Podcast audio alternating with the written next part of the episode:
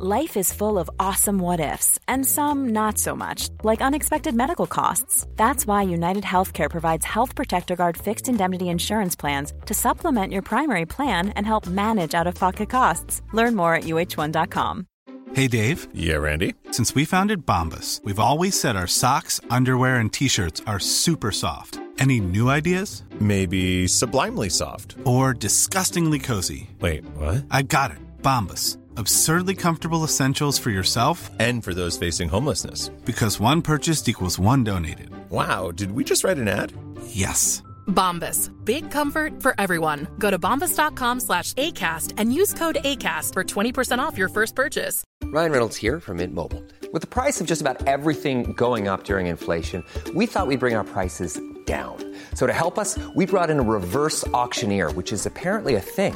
Mint Mobile unlimited premium wireless. Ready to get 30, 30, bit to get 30, bit to get 20, 20, 20, bit to get 20, 20, bit to get 15, 15, 15, 15 just 15 bucks a month. So, Give it a try at mintmobile.com/switch. slash $45 up front for 3 months plus taxes and fees. Promo rate for new customers for limited time. Unlimited more than 40 gigabytes per month slows. Full terms at mintmobile.com.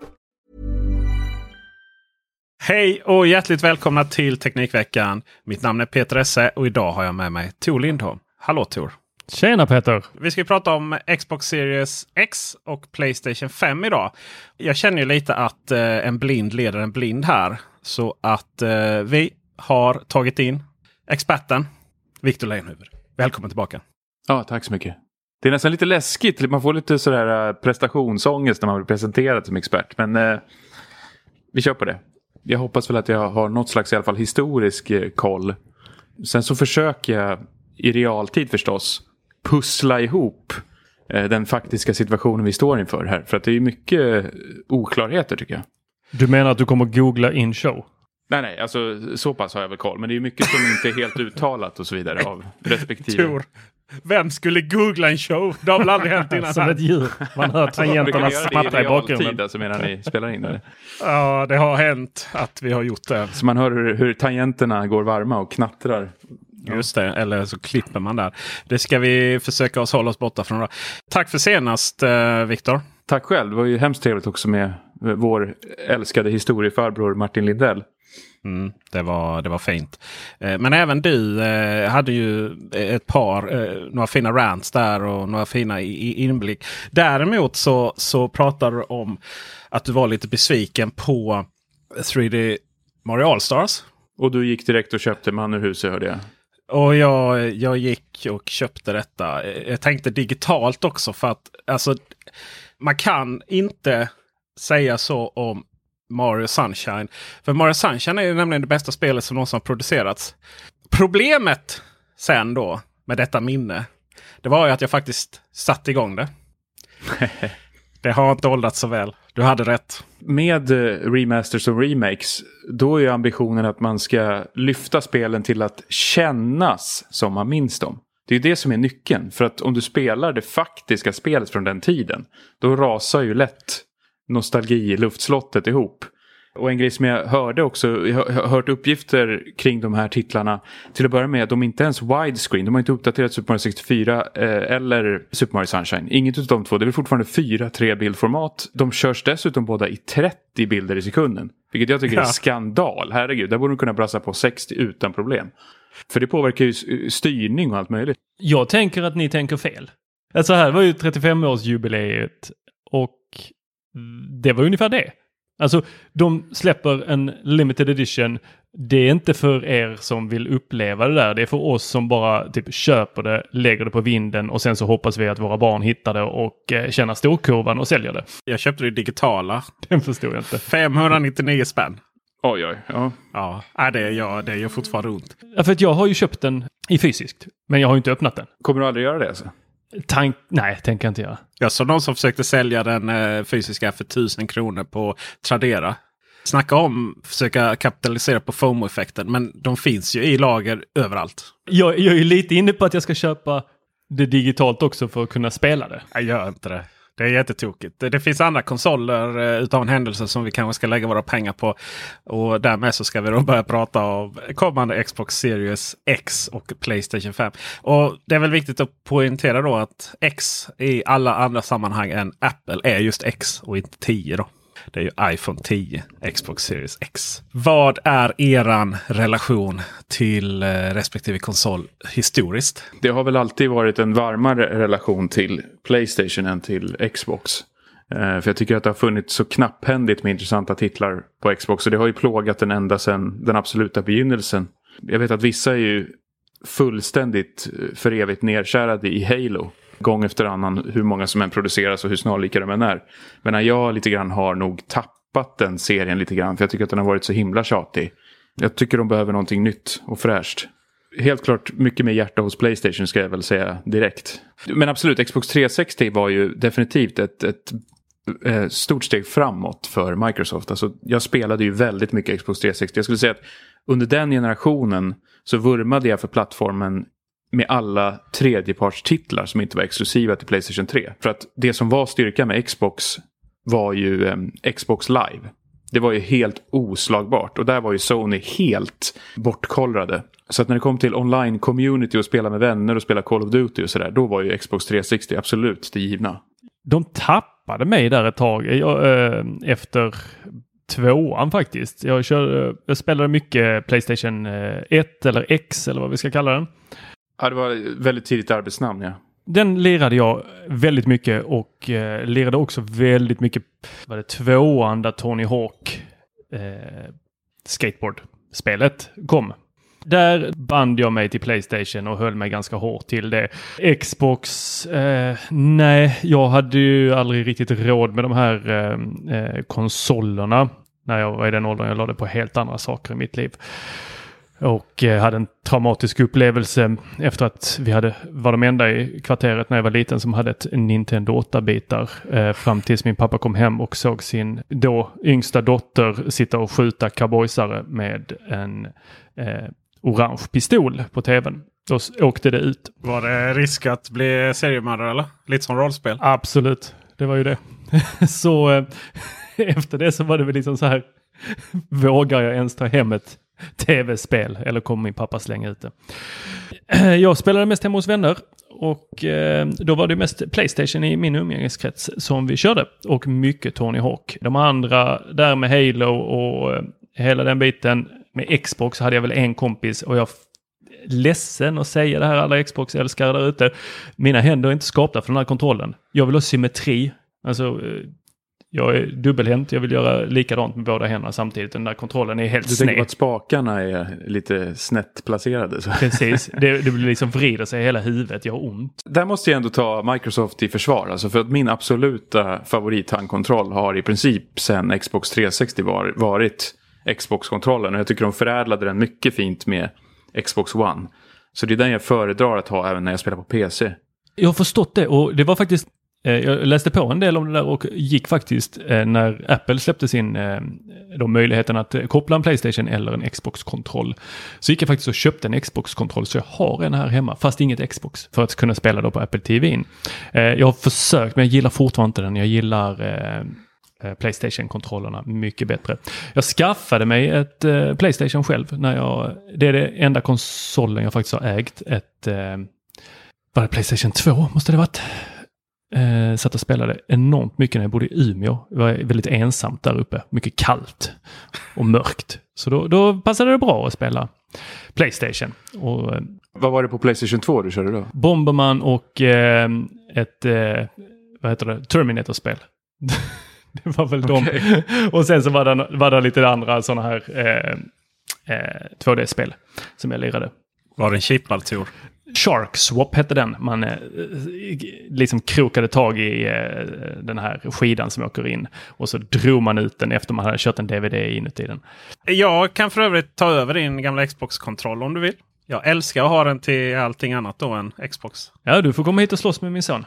Var det inte så att den första kontrollen att den var mindre i Japan? Ja, det var en ganska betydande skillnad. The Duke som eh, lanserades i väst var ju grotesk alltså. Eh, Så den här andra var ju mer åt det håll som man sen förädlade Xbox-kontrollen för 360. Microsoft har verkligen eh, gått in för. De har ju ett gäng olika kontroller. De har den här Pro-kontrollen som går att konfigurera lite hur man vill. Och sen har de ju eh, andra kontroller för folk som inte kan använda de vanliga. Så där får man ge Microsoft att de har, de har verkligen jobbat hårt med den.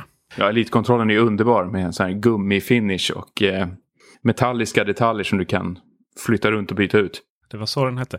Jag har en sån traumatisk upplevelse i barndomen också som jag måste delge. Jag hade köpt Playstation. Och eh, jag hade använt alla mina pengar till det. Och eh, det fanns ju ingen sparfunktion på Playstation. Utan då var man tvungen att köpa en sån här spar... Eh, ja, det var ju någonting man stoppar in i den. Och så sa jag till att den här konsolen får absolut inte stängas av. Och så en vacker dag när jag skulle fortsätta mitt spel så hade den startat om. Och så frågade jag tårögt. Mamma vad har du gjort?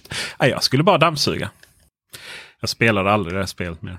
Jag tror alla har något sånt barndomstrauma. När man har förlorat sparfiler långt in i något spel. Eh, det finns ju skräckexempel när folk har eh, maxat Final Fantasy 7 och har hundratals speltimmar och ska besegra de här sista weapons när de förlorar allting. Eh, Och det, det var ju också så att de här tredjepartsminneskorten eh, för Playstation var extremt oberäkneliga. Så att om man köpte eh, ja, lite sjaskigare eh, märken så att säga som var billigare så kunde ju de eh, plötsligt eh, spontant stå tomma. Ja just det, nu, nu kommer gamla minnen upp här. Jag, jag kom på att jag, jag spelar ju ännu mer Playstation där ett tag när jag flyttade till Barcelona. Det var också lite ensamt här. Då hade jag också ett sånt tredjepart. Eh, Jag minns att jag hade svårt att spara det här. eh, Playstation hade släppt, eller inte Playstation, men eh, kommer inte ihåg vem som gjorde det, ett kravallspel. Minns ni det? Man skulle springa runt i köpcentrum och eh, bara skapa kravaller. Ja just det, ja. Vad fan var det det hette nu igen? Var inte det ett Rockstar-spel? Jo, Rockstar var det som Men gjorde jag det. undrar om inte det var Playstation 2 alltså? Jag kanske har spelat mer än vad jag vill påskina här. Innan vi då börjar prata om framtid istället så måste vi ändå utse den bästa historiska konsolen för sin tid. Och eh, för mig så var det helt klart Xbox 360 med Mass Effect. Det tyckte jag var riktigt, riktigt nice. Alltså jag måste ändå säga Playstation 4 av de här plattformarna faktiskt. För att jag har haft så otroligt starka upplevelser med, med den nu på sistone. Som för mig står som ja, men någon slags eh, formtopp i eh, många års spelande. Jag tänker på Last of Us 2 grep mig enormt starkt och traumatiserade mig för resten av livet känns det som. Eh, Final Fantasy 7 Eh, remaken var också alldeles fenomenal tycker jag. De, de gjorde det som man drömde om att Final Fantasy 7 skulle vara när man var liten och spelade. Den kan det ha varit 97 då. Så det har ju varit, de har ju avlöst varandra för mig nästan. De här eh, fenomenala titlarna. Jag måste ändå säga att Tony Hawk Skateboarder Pro och det var ju Playstation 1. Eller Tony Hawks Pro Skater heter det väl? Se där ja, då är det nya generationerna på intåg här. Vad tyckte ni om respektive lansering? Microsoft, det var väl inte mycket mer än ett par tweets va? Så precis, de eh, fick plötsligt feeling eh, och eh, twittrade ut det. Det är väl så eh, den nya världen ser ut. Det var väl så att eh, priserna läckte ut innan de, det förväntade eventet. Just det. Det var ju verkligen en, eh, en kontrast jämfört med minns ni lanseringen av Xbox 360? Påminn mig gärna. Det var mycket lasrar där och, och strömmade och Elijah Woods var med. Det var extremt coola människor. Allting var grönt och de liksom följde med någon kvinna då som kom in då på scen. Alla står och skriker och eh, sätter upp den på bordet så här coolt som bara amerikanare kan göra.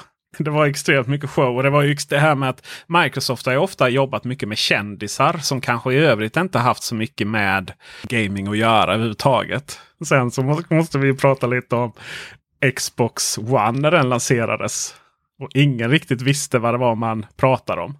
Allt som Sony behövde göra sen då på scen efteråt. Detta var ju på E3. Det var ju att gå upp och presentera Playstation 4 som vilken konsol som helst. Att det här är en spelkonsol. Och alla bara oh, De har släppt en spelkonsol. För vad Microsoft har släppt var ingen som visste. Och det var kontroverser om att man inte kunde sälja vidare spel begagnat. Och allting skulle vara uppkopplat. Och de fick frågan om vad som händer om man är på en ubåt och sådär.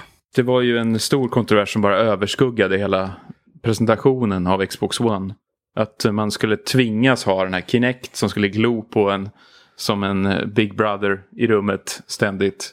Och den skulle vara alltid uppkopplad och som du säger, det skulle inte finnas någon eh, begagnat marknad. Den skulle elimineras mer eller mindre. Var det inte så att man kunde typ sälja spelet vidare en gång? Men det var också oavsett om det var fysiskt eller digitalt. Ja, det var någon slags licenshantering förstod jag det som. Eh, och det var ju där som Sony verkligen kunde glänsa när de visade, var det inte en, en, en videosekvens på hur man lånar ut spel till sina vänner. Och då är det bara en person som räcker över skivan till, till en annan.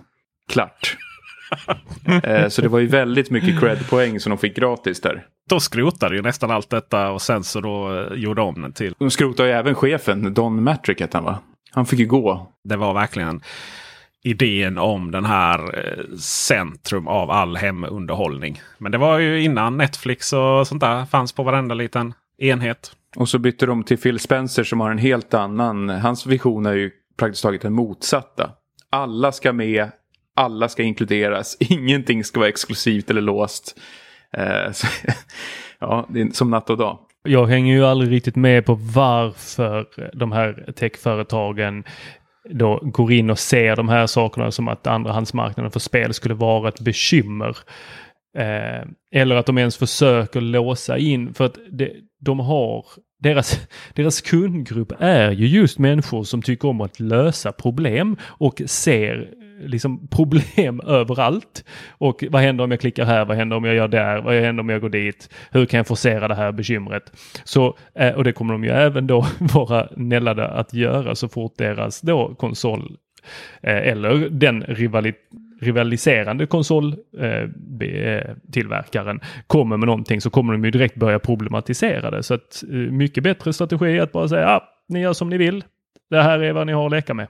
Samtidigt märker man ju att det är någon form av passiv aggressiv manöver som sker här nu.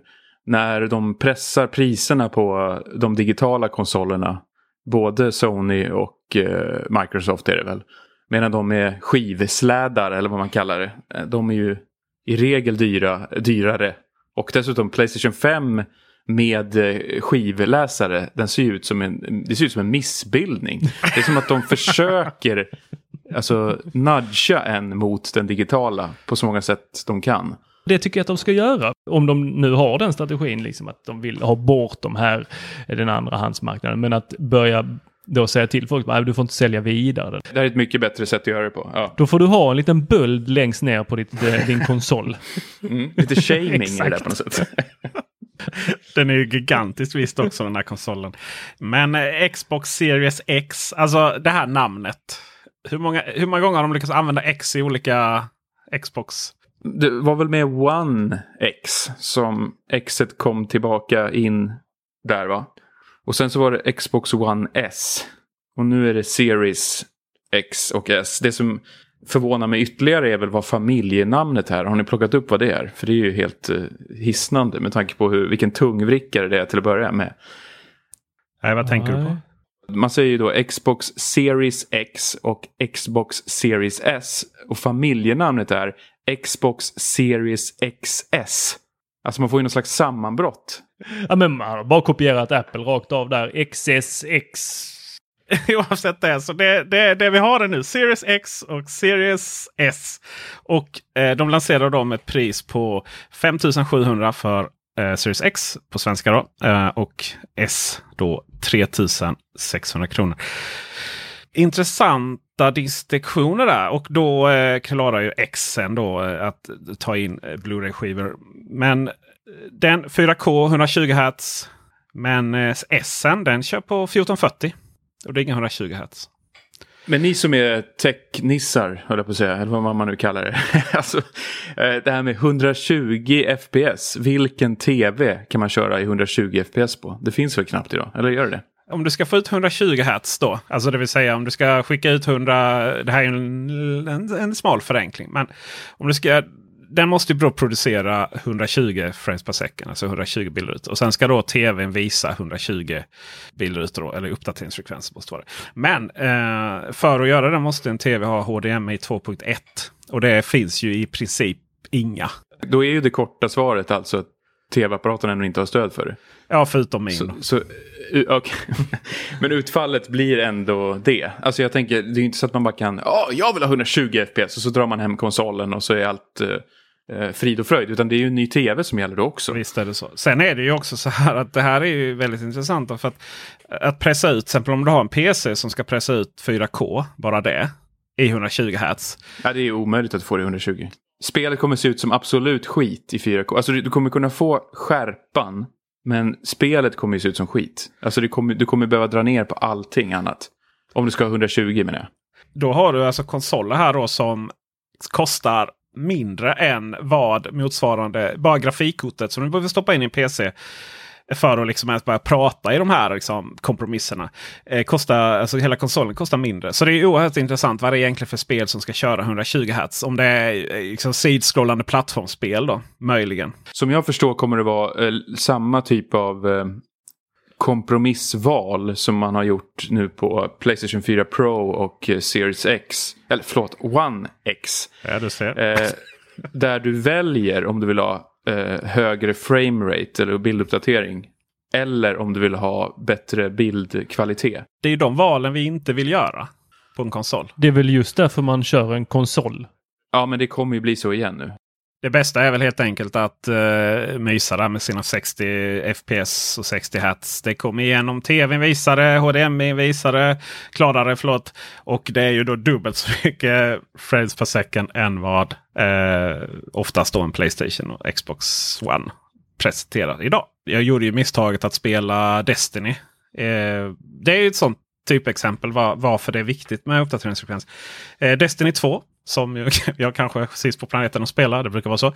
Eh, kör ju 30 eh, FPS 4K på Playstation 4 Pro. Medan det kör då 60 Hz i 1080p på Stadia. Och har du väl spelat det i Stadia, på Stadia så går det liksom inte att gå tillbaka till Playstation 4. Det är precis som att det, att det är något fel på konsolen. Helt plötsligt bara allting hackar och det är fruktansvärt. Man märker aldrig så mycket skillnad som man går tillbaka till någonting som är lite långsammare. Det gäller ju samma sak med mobiltelefoner till exempel. Jag är ju förstörd för livet. Jag, det är ju knappt så jag tycker... Ja, 60 kan definitivt räcka kanske. Men jag kör ju 100 hertz på min eh, alltså skärm. Så jag vill ju gärna att spelen ska ligga kring 100. Och det är ju en vanesak som man blir rätt paj av. Alltså. För det är ju det, alltså, det känns så otroligt, det blir en helt annan fluiditet. Eh, det känns mycket mer responsivt, det är ju det. För att du ser ju, alltså även kontrollen känns mycket bättre. För att du, är, du ser fler bilder, liksom. du snappar upp mer. Om ni är mer intresserade av det här med frames, hats, eh, gud vad. Då länkar vi till en eh, Youtube-film som eh, Nestor och Thomas Ytterberg har gjort som förklarar det här. Och där förklarar han också varför man använder AMD FreeSync och Nvidia G-Sync. Just för att man vill liksom matcha ihop eh, vad som händer då om skärmen har högre uppdateringsfrekvens än vad spelet levererar ut FPS och sådär. Det finns ju olika kompromisser man kan göra. Det finns en komponent till som är responstid som man lätt glömmer bort. För det är den tråkigaste termen av alla. Men den, den kan ju vara riktigt irriterande. Om man har dålig responstid fast man har hög bilduppdatering. Ja, vad händer då? Alltså om kontrollens input inte går in snabbt nog, det vill säga inte omsätts i bilderna snabbt nog. Då får du ändå en, en, en fördröjning och lagg. Det blir ju lite som att spela på is nästan, kan jag tänka mig. Ja, faktiskt. Det som jag tycker är konstigt med de här konsolerna är att de inte har DisplayPort. Väldigt konstigt. Exakt antalet skärmar, alltså spelskärmar som har HDMI 2.1 är noll. Kollade senast idag på prisjakt. Alltså skärmar har inte möjlighet att få in den här bandbredden i sig. Det är bara tv och då de nyaste från Samsung och LG och Sony. Alltså att det alltid ska vara sådana här flaskhalsar vid eh, konsolgenerationsskiften. Det känns som att det händer varenda gång. Det var lite som när Playstation 2 lanserades. Och man lanserade den med kompositkablar. Man bara snälla. Alltså om man kör komposit ser det ut som absolut skit. Ja, eller Wii. Ja, precis. Wii också för den delen. Komposit är ju de här mina vänner. Eh, gul. Eh, gul för grafik och eh, ja, jag har inte tänkt på. Gul för grafik och sen så var det då rött och svart eller vitt för ljudet. De här klassiska. Sen så såg ju komponentkablarna likadana ut. Då var det fyra man skulle ha in där bak i tvn. Ju. Då separerade man ju fler färger RGB va? Så blev det bättre.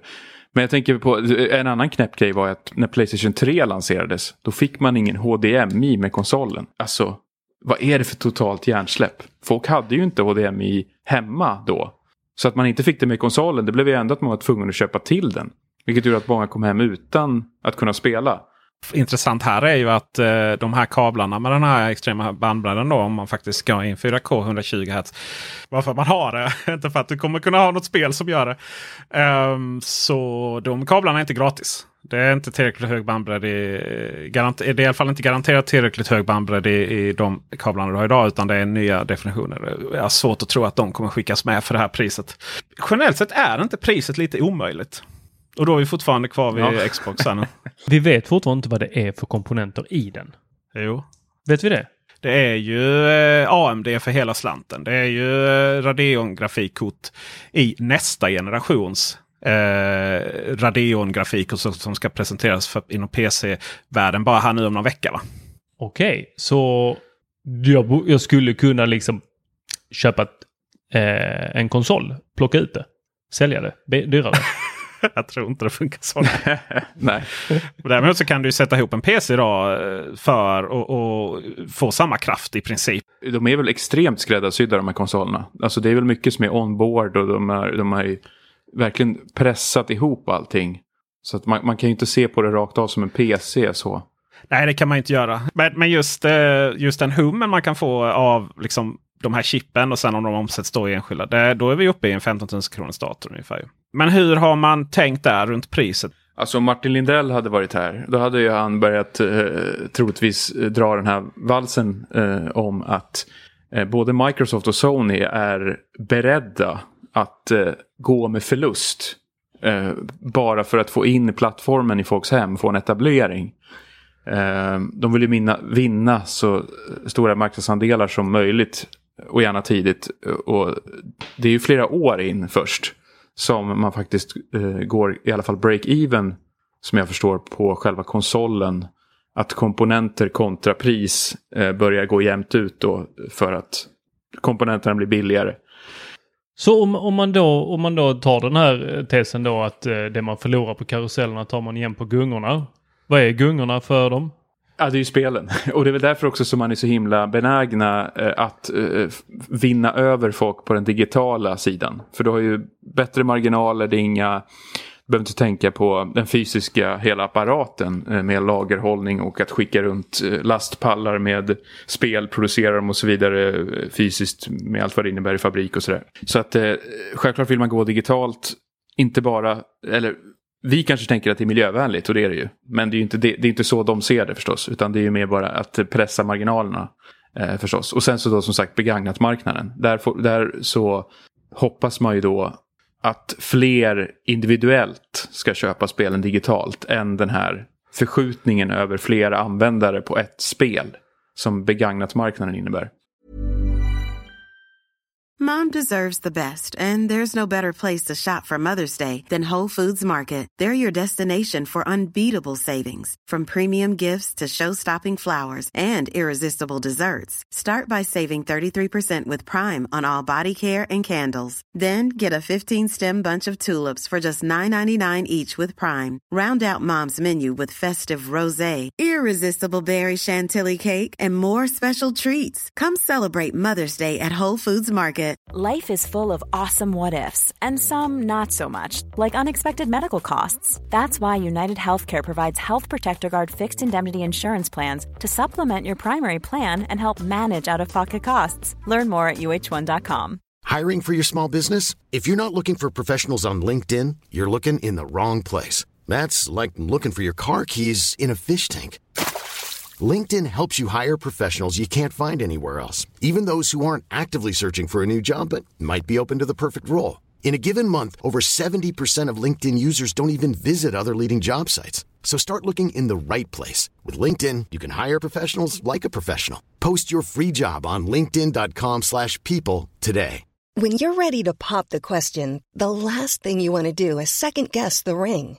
At Bluenile.com, you can design a one-of-a-kind ring with the ease and convenience of shopping online. Choose your diamond and setting. When you find the one, you'll get it delivered right to your door. Go to Bluenile.com and use promo code LISTEN to get $50 off your purchase of $500 or more. That's code LISTEN at Bluenile.com for $50 off your purchase. Bluenile.com code LISTEN. Hey, Dave. Yeah, Randy. Since we founded Bombus, we've always said our socks, underwear, and t shirts are super soft. Any new ideas? Maybe sublimely soft. Or disgustingly cozy? Wait, what? I got it. Bombas. Absurdly comfortable essentials for yourself And for those facing homelessness. because one purchased equals one donated. Wow, did we just write an ad? Yes. Bombas. Big comfort for everyone. Go to bombas.com slash ACAST and use code ACAST for 20% off your first purchase. Precis här nu strax innan vi spelar in så eh, blir det klart att man släpper det här Xbox All Access. Till ett pris på 370 kronor så får du alltså en eh, Xbox Series X och Microsoft Game Pass Ultimate. Och sen efter 24 månader, detta är då 370 kronor i 24 månader, så får du behålla den. Det blir alltså billigare att köra någon form av avbetalning än att först pröjsa då 5 och 7 för Xboxen och sen 179 kronor i månaden för Games Pass Ultimate. Det är ju så här, det är första gången man de får en sån negativ ränta på avbetalningen. Även där är det väl en fråga om etablering. Alltså att Microsoft vill helt enkelt etablera sig. Jag tror alltså både Sony och Microsoft spelar väl the long game som man säger. Där har ju Nintendo alltid stuckit ut. För att de har ju velat göra vinst på hårdvara redan från början.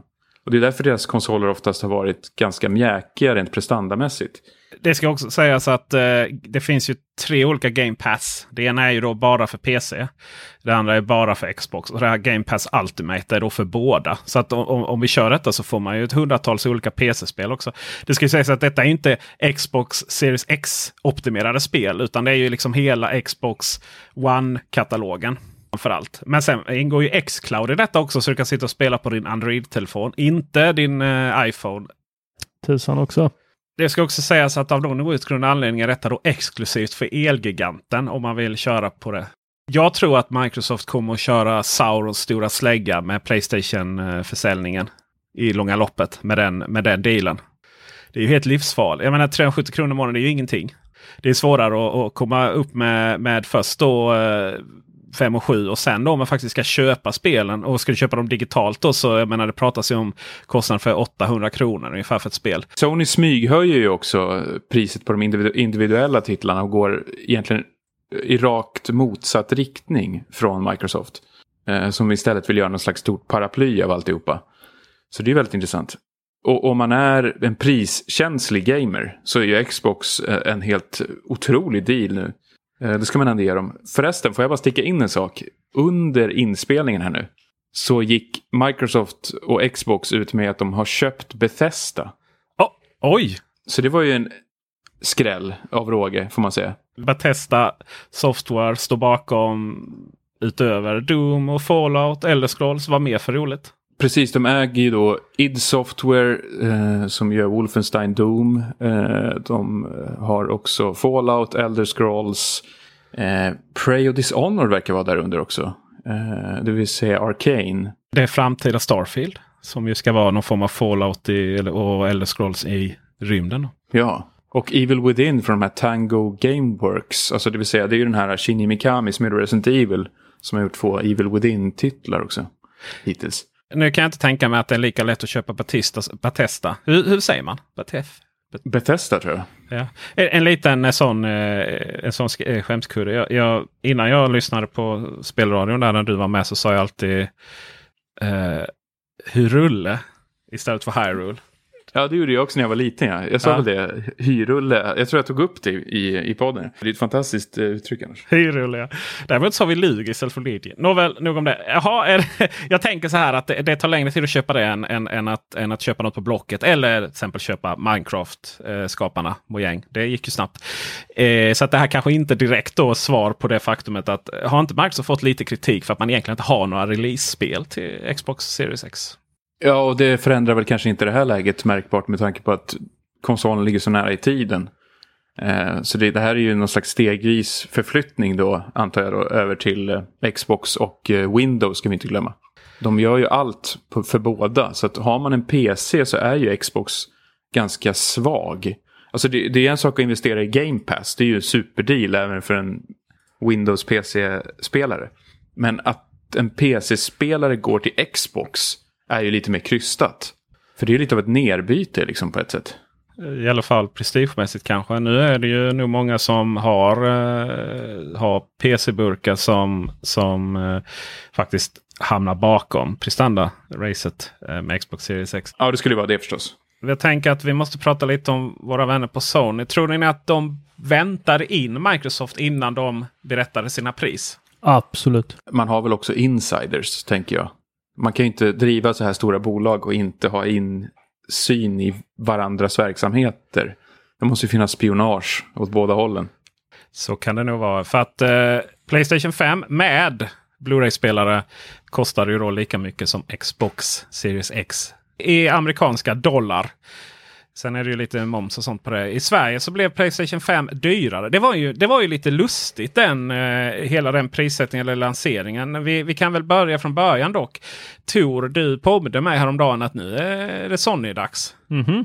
Du gjorde något helt annat då? Ja, jag gjorde något helt annat. Jag kommer inte riktigt ihåg vad det var. Men, men det som var lite roligt var att eh, jag strax innan hade spelat Marvels, Marvel Avengers på min Playstation 4. Och där hade jag då eh, börjat spela och jag hade spelat då genom att eh, hamna på en bro och sen så skulle man då eh, klicka på olika sätt för att kontrollera. Så det vill säga att man det tajmar in då eh, X eller Y och så ska man trycka rätt. Alltså. Och gör man det så vinner man och gör man det så förlorar man. Quick time events kallas det va Viktor? Ja, just det. Och det är någonting som varit med oss i många spel väldigt länge. Det som var lite roligt då var ju att när jag väl då klickade in på den här streamen då. De presenterade. Då var det minsann en bro. Och det var Spiderman.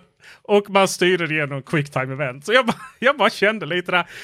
Okej, men vad, vad är det egentligen som är nytt? Vad får vi egentligen mer än lite uppdaterad grafik? I själva skiftena så är det ju fortfarande så att man står med ena benet kvar i förra generationen. Och Spiderman-spelet är ju ett typexempel på det. Miles Morales heter väl den här fristående expansionen va? Mm. Eh, det är ju ett spel som till att börja med gjordes för PS4 och nu släpps för PS5 och PS4. Så det kommer ju dröja innan vi ser någonting som verkligen tar vara på bara den här nästa generations plattformen. Å andra sidan, alltså quicktime events är ju någonting som jag har eh, uttryckt min eh, frustration över i många, många år. Och det verkar ju vara en trött konvention bara som branschen måste ta itu med. Liksom. Eh, det handlar inte så mycket om plattformen som sådan och vad tekniken tillåter. Utan det är ju mer bara en så här bekväm, trött speldesign. Jag ska vara helt ärlig. Jag började titta.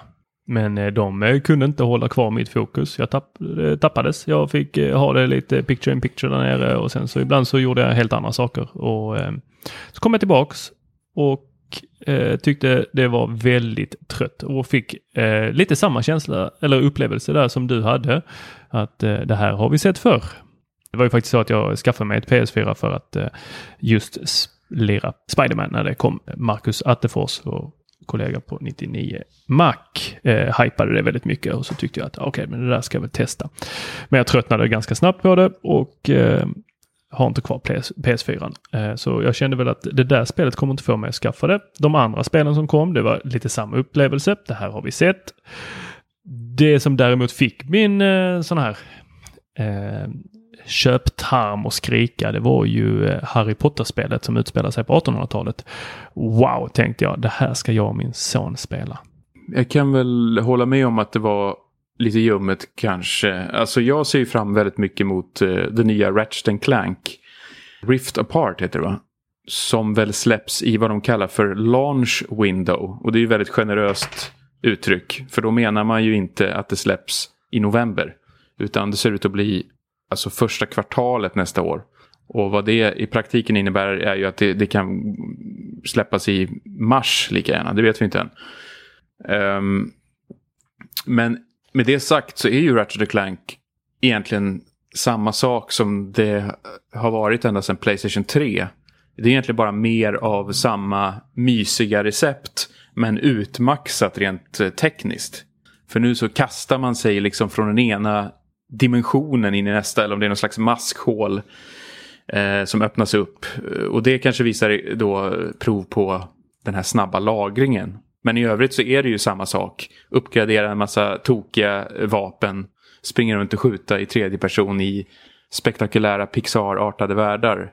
Så vad som faktiskt kommer innebära det stora klivet för den nya generationen är väl ännu lite oklart alltså jag menar till och med Horizon, det här uh, Horizon 2. Till och med det verkar ju vara lite av en kompromiss då. För det har ju uh, visat sig att Guerrilla utvecklar och har utvecklat det länge även för PS4. Så inte ens det är ju liksom ett exklusivt kliv så.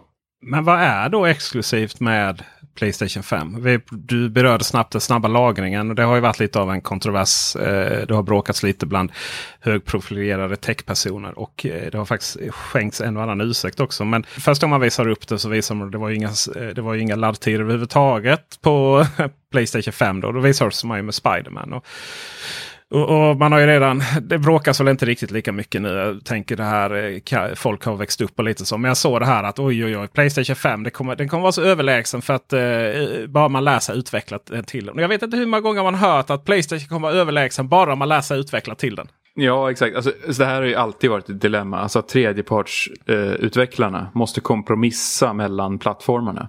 De måste ju jobba mot den svagaste länken praktiskt taget. I det här kaoset av plattformar. Och det, det är ju desto större nu med nästa generation. Som sagt, Xbox Series S och X. Där måste du ju liksom gå ner i split bara där för att hitta en, en medelväg och inte trilla mellan stolarna höll jag på att säga. Men alltså Series S har ju en, en del handikapp som X inte har. Och då, det kommer väl betyda då att de flesta behöver utveckla för S. Och sen kanske piffa till det lite för X. Men innebär inte det lite att de som har Xbox One eh, X Alltså den upphottade versionen. Och Playstation 4. Vi har kunnat konstatera här att spelen kommer finnas för dem. Eh, och spelen då bara kommer inte vara så här jätteoptimerade för eh, de nya konsolerna. Eh, vad är anledningen att köpa överhuvudtaget? Det här är ju frågan jag ställer mig också. För att jag vill ju gärna, alltså jag är ju en riktig sån här äh, pryldåre, fantast. Jag vill ju kasta mig över allt som är nytt och glimrande och, och, och, och ser spännande och futuristiskt ut. Eh, jag vill egentligen bara ha en ursäkt att skaffa Playstation 5 och eller Xbox Series XS. Men eh, som det ser ut nu, dag ett, lanseringsdagen, så ser inte jag vad det skulle vara som lockar riktigt. Alltså visst, Souls-fansen de kommer ju kunna gotta sig då åt att Demon Souls, Demons Souls till och med, eh, har gjorts om från grunden då för Playstation 5. Eh, men i övrigt, jag kommer ju spela allt annat på PC. Ja. Fram då som sagt till den här brytpunkten när Ratchet Clank börjar dyka upp i början av nästa år. Eh, vi har ju Horizon 2 när nu det blir och så vidare. Men i dagsläget i november, alltså för att jag tänkte så här, ja men fan Cyberpunk då? Det är ju ändå så här, ja men vad fan, det måste ju vara dag ett nästa generations konsol, eller hur? Ja, gud ja. Ja, men då visar det sig att eh, de tydligen ska patcha in förbättringarna för PS5 och Xbox Series X nästa år. Så till och med det är ju någon form av så här, ja men det kan ju lika gärna spela på PC då. Ja, för du kan ju enkelt koppla in en handkontroll, eh, Xbox-kontroller på PC och spela precis som vanligt ja. Och då kommer jag få 100 bilder i sekunden och liksom allt kommer vara tipptopp ändå. Så att visst, det, det handlar ju återigen om vad har man för möjligheter själv. Alltså har man ingen speldator som är uppgraderad och klarar allt det där så är ju liksom Series X eller S med den här paketdealen och avbetalningsplanen och allt vad tusan det är med Game Pass. Det är ju en, det är en superdeal. Men för oss som sitter med en redig PC, ja då är det inte mycket nytt under solen alltså, på ett tag. Och det gäller ju då Xbox Series X som vi någonstans liksom börjar. Jag känner att vi glider in på den hela tiden. Det känns som att de har momentum nu. Och därför så var det lite tokigt att missade jag någonting eller var det uppenbart att Playstation 5 skulle gå in på förbokning redan direkt? Mm, ja, de har ju gått ut och bett om ursäkt om detta. Det var ju katastrofdåligt. Ingen, alltså det framgick inte ett, ett. Jag var så här, hopp. Och då tänkte jag ändå så här, ska jag, ja, nu, Dennis som skriver på Teknikveckan.se, eh, han, eh, han skulle ta det, men jag var ändå intresserad liksom av att veta. Men jag fattar ingenting. Nej, den, den bara, och helt plötsligt svenska priser har ju inte kommunicerats ännu. Men de har ju då lagts på 499 och 599. Det vill säga ett högre dollarpris än, än vad Xbox lanseras för. Eh, och jag kan också säga att den digitala varianten den försvann ifrån förbokningarna direkt. Så det verkar ju som att eh, Sony faktiskt har kommunicerat ut ett x antal till respektive återförsäljare. Och att, de, att ni kommer kunna förboka och det här priset gäller Eh, fast de har då inte berättat någonting för eh, slutkunder. Det är också väldigt intressant att den digitala sett ut att ta slut nästan direkt. Och då är ju frågan, har de då haft färre digitala eller är det den som alla har gått på? Var det inte lite, eh, alltså när de gick ut och bad om ursäkt om det också, jag försökte reda lite i vad som hade hänt där, för det var ju ännu mer, ännu mer kaos i USA, där vissa av återförsäljarna hade satt upp en, en nedräkningsklocka till klockan nio på morgonen tror jag nästa dag och sen så fanns det vissa av de här eh, Best Buy och de som hade direkt öppnat för eh, beställning. Hur ont det än gör så har jag alltså förbokat den med Blu-ray-spelare. För jag kan ju se framför mig att de här eh, svindyra digitala priserna, eh, det kommer kanske inte då nödvändigtvis gå igenom Eh, till återförsäljaren. Utan då kommer liksom Power någon gång eller Elgiganten någon gång eller någon annan. Nu ska vi liksom, nu vill vi ha in eh, spel här, så då tar, eller eh, games här till vår butik. Så då sänker vi priserna under inköpspris och så drar vi det på marknadsbudgeten. Va, vad tror du om den strategin? Alltså dag ett kommer det väl att matcha. Eh, sen så står det väl fritt för butikerna att då pressa. Frågan är vad marginalen är alltså. För det är ju där också, om, de, om det också kostar mer att köpa in så blir det ju svårt för butikerna att pressa. Det här har ju, vet jag till exempel Elgiganten har klagat länge över. Att marginalerna är så fruktansvärt dåliga på spel. Men skillnaden är ju förstås då att då kan man ju gå ut på Tradera eller vad det nu skulle vara, Blocket. Och köpa de här spelet, spelen begagnade. Eller för den delen köpa dem dag ett till fullpris och sen sälja dem. Då har man ju fått, eh, på ett eller annat sätt fått tillbaka pengarna, eh, lite grann i alla fall, eller delvis. För att man har de fysiska utgåvorna. Eh, så det är, det är ju en strategi. alltså nu tänker jag som, som konsument. Eh, jag, jag, förstår hur du tänker, jag, jag, bara funderade på det medan du pratade om just att du vill skaffa det med, med skivläsare. Och du har nästan vunnit över mig där. För att jag tänker, alltså konsolen är väl inte så jävla snygg ändå? Alltså ju mer jag tänker på den, den är ju ganska ful liksom. Så att vare sig om det är den digitala som är symmetrisk eller den med liksom asymmetrisk skivläsarböld så kommer jag ju ändå vilja gömma den. Men här kommer ju nästa dilemma. Och det är att jag har sett många trådar där folk diskuterar den och säger ja men vad fan stoppa in den i tv-bänken då, göm den om du tycker att den är så ful. Men du måste ha en ny tv-bänk. Dels det, man måste ta ut hyllplan för att få plats med den. Men nästa problem är ju hur är det med kylningen? Ja, Playstation har ju aldrig haft bra kylning. Den, den går ju upp i varv även när den är utanför bänken. Jag har en tv-bänk där jag stänger luckorna. Så där bakom har jag ju då ja, men strömkablar, allting sånt. Alla kablar är ju eh, dolda. Men jag kan ju inte ha min Playstation 4 Pro i bänken med en stängd lucka. Då, då brinner ju min lägenhet upp. Alltså allting kommer smälta. Um, och, och, med en PS5, jag har väldigt svårt att tro att man kan ställa den med en stängd lucka i en tv-bänk för att man inte vill se den. Den kommer ju väsnas, den kommer att få psykbryt och, och braka ihop och bli överhettad. Och, alltså, det där funkar ju inte, den behöver stå framme. Så därför är det ju anskrämligt alltså att den ser så illa ut. Du får skaffa en lång aktiv HDMI-kabel och sätta den i ett annat rum. Det är som man får göra med radar och sånt. Ska jag skaffa ett eh, större lägenhet med extra rum bara för PS5? Ja, det blir väldigt dyrt. Det som jag tänker fundera lite på är ju om vi överhuvudtaget kommer köpa spel i framtiden. Jag menar, jag är själv ett Stadia-fan. Det är lite ironiskt i och för sig. För där betalar jag både månadskostnad och sen får köpa spelen. Men jag har, jag har liksom hackat systemet. Så att jag, jag har tålamod istället. Så jag väntar tills spelen kommer gratis då, något år senare för oss Pro-medlemmar. Sen har vi ju Sony Playstation Plus Premium. Det var inte helt självklart heller. Där fick vi ta hjälp av Martin Lindells Twitter för att, att reda ut. Men Sony Playstation Pro Premium är alltså kostnadsfritt för Playstation 5-ägare. Om du köper vanliga, abonnerar på vanliga Playstation Plus. Jo, men du, kom, du, kom, du kommer inte få de nya titlarna dag ett som på Game Pass. Utan alltså det, det är ju då en backkatalog som det rör sig om. Just precis. Som så ofta. Och det, det känns som att här ska vi då alltså gå och köpa igen. Då. Det, det här upprepas lite. Eh, vi ska alltså gå och köpa nya konsoler som levererar jättemycket. Bara för att spela eh, gratis spel från förra generationens konsoler. Ja, alltså fy fan. Ja, vilken härva allting. Ja, det är tokigt. Tror ni att vi kommer att köpa spel betala, liksom, dra 800 kronor eller om det är 600 kronor från kortet? Eller kommer allting vara prenumerationer i, i framtiden? Alltså det, det, jag tror så här, det, är ing, det svåra är att det är ingen hållbar modell för de här enorma eh, absolut dyraste produktionerna som Sony har skämt bort oss med. Vi ska inte glömma det att eh, ja, men allt ifrån Spiderman till God of War till eh, eh, Last of Us 2 är ju hisnande dyra projekt. Alltså vi pratar ju miljard Klassen. Eh, att klämma in alla de här titlarna i ett abonnemang som matchar Game Pass. Det involverar nog att blöda lite pengar skulle jag tro. Um, så frågan är vilken ände börjar man rycka i? Alltså sänker man budgeterna eller höjer man priserna? Förstår ni vad jag menar? Någonstans måste man ju dra.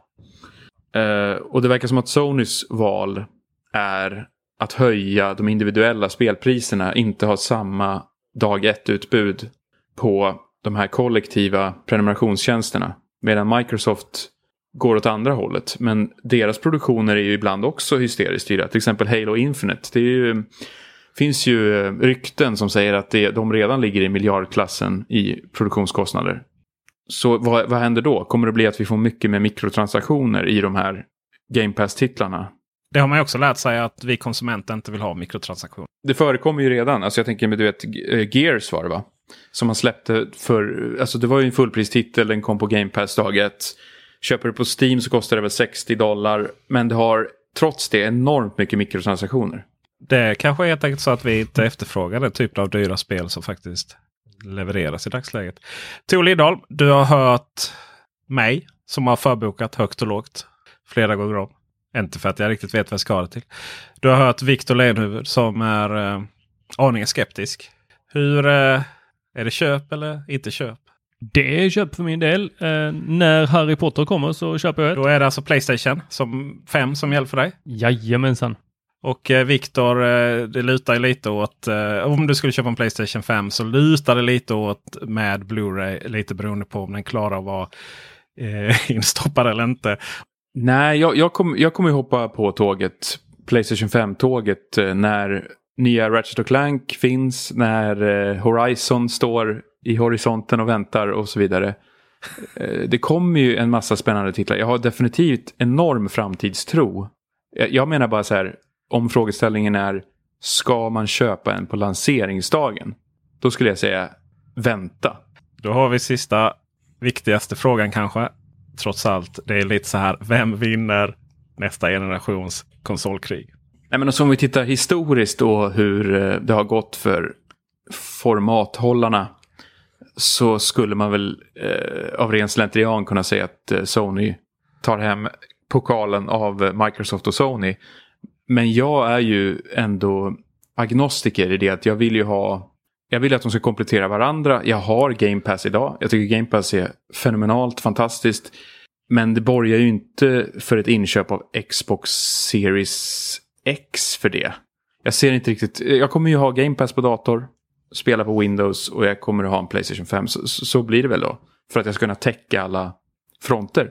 Jag, jag tror Sony kommer att vinna på, eh, i konsolkriget. Ja, jag har ju eh, alltid upplevt att eh, Sony har eh, vunnit eh, de här när de släpper eh, nya båda två så har jag alltid upplevt att det varit Sony som har tagit störst andel. Eh, kanske jag bara har helt fel här, men det är min subjektiva upplevelse av det, så jag kommer ju lägga mina pengar på dem. Samtidigt så tror jag vi är i ett sådant skifte så att eh, den som kan lansera ett rimligt eh, digitalt abonnemang är den som kommer ta hem pokalen i slutändan. Du har ju förespråkat eh, vet du, Stadia väldigt länge, Peter. Eh, tror inte jag det. Jag försökte sätta mig in i det, men det, det, är fortfarande för komplicerat. Vi behöver någonting som är väldigt, väldigt dead simple. Jag tror ju att eh, Microsoft eh, Xcloud kommer att eh, ta död på Stadia. Det tror jag också. Bara nu senast, det är helt absurt. Eh, Marvels Avengers kostar ju, alltså det kostar ju 700 spänn att köpa. 699 standardversion den här eh, Extended som då bara gick att köpa förbokad. Det gick inte att förboka den standardvarianten då. Det gick det på andra plattformar och fysiskt och så. Kostar 899. Det får alltså bara digitala extra kläder och sånt. Om du spelar Stadia, hur känns det med eh, jag tänker med input lag och så vidare. Är det responsivt när du spelar Destiny? Är det det? Ja, det är det ju med, med Ethernet-kabel. Okej. Okay. Måste koppla in, eh, du måste absolut koppla in eh, Ethernet i... eh, Men varför kör du inte bara Destiny direkt på PC?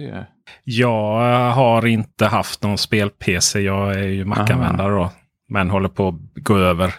Så jag håller på att bygga här nu. Jag blir väldigt glad över Nvidia 3080. Hade ju mitt namn på sig. Då är det ju plötsligt eh, frontrunner istället. Men jag är ju också traditionellt konsolspelare. Sen har det ju varit nice att liksom kunna skjuta igång Stadia på macken. Då. Det har ju funkat jättebra såklart. Eh, det är bara webbläsaren. Eh, det har funkat bra oberoende vilken tv jag sitter på. Så har jag kunnat dra igång det. Och jag är sån extrem casual player. Jag har någon form av målbild här nu. Eller värderad riktning som Tor skulle säga. Att jag ska, att jag ska ha lite fritid i framtiden. Så eh, det kanske blir lite mer spelande. Vi får väl se. Jag ska börja träna också. Jag tänker så ja, man ska spela eller träna. Ja, fast jag tänker när jag varit ute och tränat i fem minuter så måste jag ligga tre timmar framför eh, tv-spel och ta igen mig. Men du har ju det här, eh, vad är det det heter då, på Switch? Heter det Wii Fit Adventure? Det, som, det ska tydligen vara en, eh, göra underverk va? Ja, jag har alltså köpt detta för flera månader sedan och jag har inte packat upp den ännu. Okej, men du kan ju börja där. Planen är ju att göra en före och efterfilm på Youtube. Frågan är ju bara om den här filmen då, hur många år det kommer ta att spela in den. Du får ju sätta en deadline och så får du stilla hålla den. Du tänker att det ska vara åt det hållet istället ja. Tänka journalistiskt. Att säga. Jag tar, tar med mig den. Den här podden om Xbox Series X och Playstation 5 börjar komma till sitt slut. Och slutsatsen på frågan vad som kommer att sälja bäst är uppenbarligen Nintendo Ring Fit Adventure på Nintendo Switch. Där har du. Tack för att du kunde vara med oss, Victor Leonhuvud. Det är ett ständigt nöje. Kul att höra din röst. Detsamma. Tack så mycket. Ja, tack så mycket. På återhörande. Hej! Mom deserves the best, and there's no better place to shop for Mother's Day than Whole Foods Market. They're your destination for unbeatable savings, from premium gifts to show-stopping flowers and irresistible desserts. Start by saving 33% with Prime on all body care and candles. Then get a 15-stem bunch of tulips for just $9.99 each with Prime. Round out Mom's menu with festive rosé, irresistible berry chantilly cake, and more special treats. Come celebrate Mother's Day at Whole Foods Market. Even on a budget, quality is non-negotiable. That's why Quince is the place to score high-end essentials at 50 to 80% less than similar brands. Get your hands on buttery soft cashmere sweaters from just 60 bucks, Italian leather jackets, and so much more. And the best part about Quince, they exclusively partner with factories committed to safe, ethical, and responsible manufacturing. Elevate your style without the elevated price tag with Quince. Go to quince.com slash upgrade for free shipping and 365-day returns. When you make decisions for your company, you look for the no-brainers. If you have a lot of mailing to do, stamps.com is the ultimate no-brainer. Use the stamps.com mobile app to mail everything you need to keep your business running with up to 89% off USPS and UPS. Make the same no-brainer decision as over 1 million other businesses with stamps.com. Use code PROGRAM for a special offer. That's stamps.com code PROGRAM.